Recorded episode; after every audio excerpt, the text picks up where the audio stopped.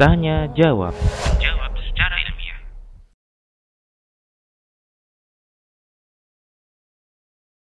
banyak disebut dengan inner child ya. Inner child. Jadi adanya luka-luka pengasuhan masa kecil kita yang masih apa nam terbawa kita hingga kita dewasa. Dan jamaah sekalian muliakan Allah Subhanahu wa taala. Yang perlu kita ketahui bersama ya. Contohnya misalnya sang penanya. Penanya bertanya, ya, sekarang misalnya penanya menjadi menjadi orang tua. Tapi dia ternyata masih kecil, dia itu namanya, mengalami hal-hal buruk. Nah, pertanyaannya adalah, ya, 10, 15. apakah hal-hal buruk yang dia alami, dia kepengen nggak sih hal tersebut berulang lagi untuk anak-anaknya? Tentunya orang tua nggak menginginkan hal tersebut. Meskipun kadang-kadang dikatakan tanpa sadar kita melakukan hal-hal seperti itu. Jadi gini aja mas sekalian dimuliakan Allah ya. Yang perlu kita pahami bersama ya, ya, ya kita sebagai manusia itu mesti memiliki yang namanya bagian dari kehidupan yang pahit ya baik itu yang manis ataupun yang pahit ya. Dan ketika Anda belajar, Anda ngaji, Anda menuntut ilmu, alhamdulillah itu taufik dari Allah. Artinya Allah menginginkan kebaikan untuk Anda. Kenapa demikian? Karena memang Nabi yang mengatakan ya man apa namanya? Yuridillahu bihi khairan yufaqihu fid din. Eh, siapa yang Allah kehendaki baginya kebaikan maka Allah akan fakihkan dia tentang urusan agamanya. Di antaranya dia ya berusaha untuk belajar karena belajar itu akan memperbaiki dirinya. Dan itu akan semakin menguatkan dia untuk mengetahui mana yang baik dan dan mana yang buruk. Dan itu juga akan semakin menguatkan konsepsi dirinya. Ya. Nah, ini taufik dari Allah, hidayah dari Allah, harus dijaga, harus harus dipelihara. Ya, dan ini adalah kunci bagi kita untuk membasuh luka-luka pengasuhan tadi gitu loh. Ya. Artinya ketika kita akan melakukan hal yang buruk, alhamdulillah dengan hidayah Allah berupa ilmu kita, kita tahu ini itu ada- adalah suatu hal yang buruk. Kita sudah belajar, tidak sepatutnya kita melakukan ini kepada anak kita, hal itu menyebabkan kita berhenti tidak melakukan keburukan tersebut. Kalau toh seandainya kita ya misalnya udah udah apa namanya eh, secara spontan misalnya kita melakukan keburukan kepada anak kita, ya, maka ingat Allah Ghafurur Rahim. Allah Maha Pengampun, Allah lagi Maha Pengasih, Maha Penyayang. Selama kita mau berubah, selama kita mau bertobat, mau kembali, Allah akan ampuni. Dan Nabi juga mengatakan apa? Apa namanya? Kullu bani Adam khata. Setiap anak keturunan Adam itu khata. Khata itu artinya bukan cuma sekali melakukan kesalahan, bolak-balik melakukan kesalahan. Wa khairul khata'ina tawabun dan sebaik-baik orang yang melakukan ya kesalahan dia selalu kembali kepada Allah. Jadi ketika dia jatuh kepada kesalahan dia segera langsung bertobat kepada Allah dan memperbaiki diri, muhasabah, introspeksi dan meminta maaf kepada anaknya. Dan kemudian dia dia langsung berusaha memperbaiki hal tersebut. Karena itu makanya ya di dalam agama kita itu inner child mungkin istilah yang memang ada dialami oleh sebagian orang.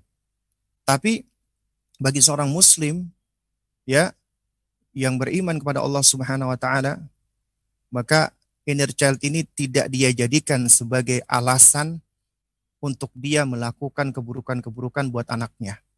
Karena ada orang ketika dia melakukan keburukan yang disalahkan adalah inner child-nya. Ya, ya karena saya dulu sama orang tua saya dibeginiin karena dulu saya mah. Jadi ini adalah orang-orang yang pasif.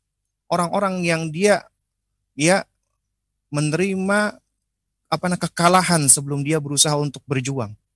Padahal Allah berikan dia karunia, karunia potensi-potensi agar dia bisa menjadi lebih baik lagi. Dan dia sadar itu salah. Suatu yang dia sadari salah tidak sepatutnya menyebabkan dia berputar di dalam kesalahan tersebut. Seharusnya dia keluar dari situ. Dia memperbaiki diri. Dan ini nggak akan bisa dia realisasikan kecuali dia semakin memperdalam ya uh, agar dirinya semakin mengenal penciptanya. Yaitu dia belajar tauhid. Kenapa? Karena man arafa rabbahu arafa nafsahu. Siapa yang lebih mengenal Robnya, dia akan lebih mengenal dirinya. Karena ketika dia lebih mengenal Robnya, dia akan mencintai penciptanya Allah Subhanahu wa taala.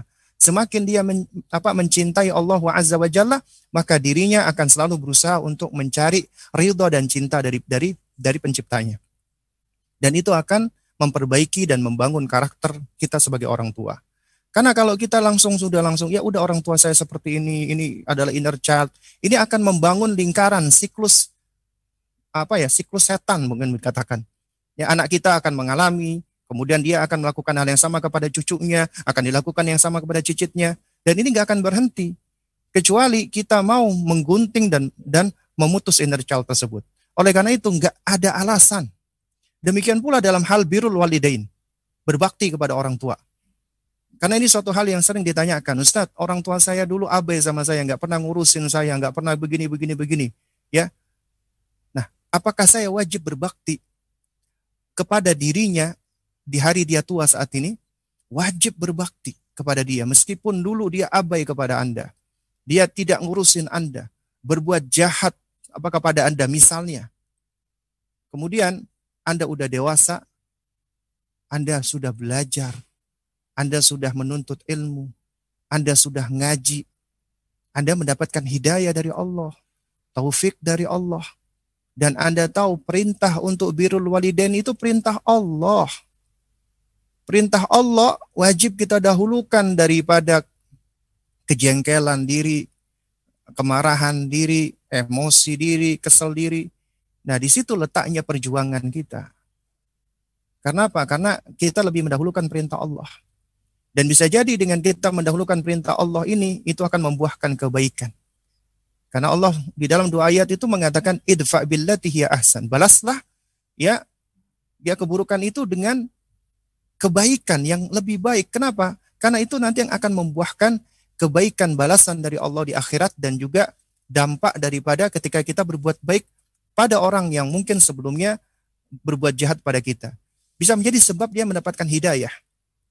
Dan ketika dia mendapatkan hidayah dengan sebab kita, kita juga mendapatkan kebaikan yang berlimpah. Orang tua kita dapat orang tua kita dapat hidayah misalnya. Itu juga kebaikan gitu loh. Karena perintah Allah untuk berbuat bakti kepada orang tua itu nggak ada kaitannya dengan apa maksudnya uh, orang tua itu harus berbuat baik dulu pada kita. Kalau kita nggak dapat hidayah, maka kita akan berbuat sama dengan orang tua kita. Dia berbuat jahat sama kita, akhirnya kita pun juga berbuat jahat sama mereka. Tapi Allah berikan hidayah kepada kita. Allah berikan taufik kepada kita. Pelihara dan jaga hidayah taufik tersebut.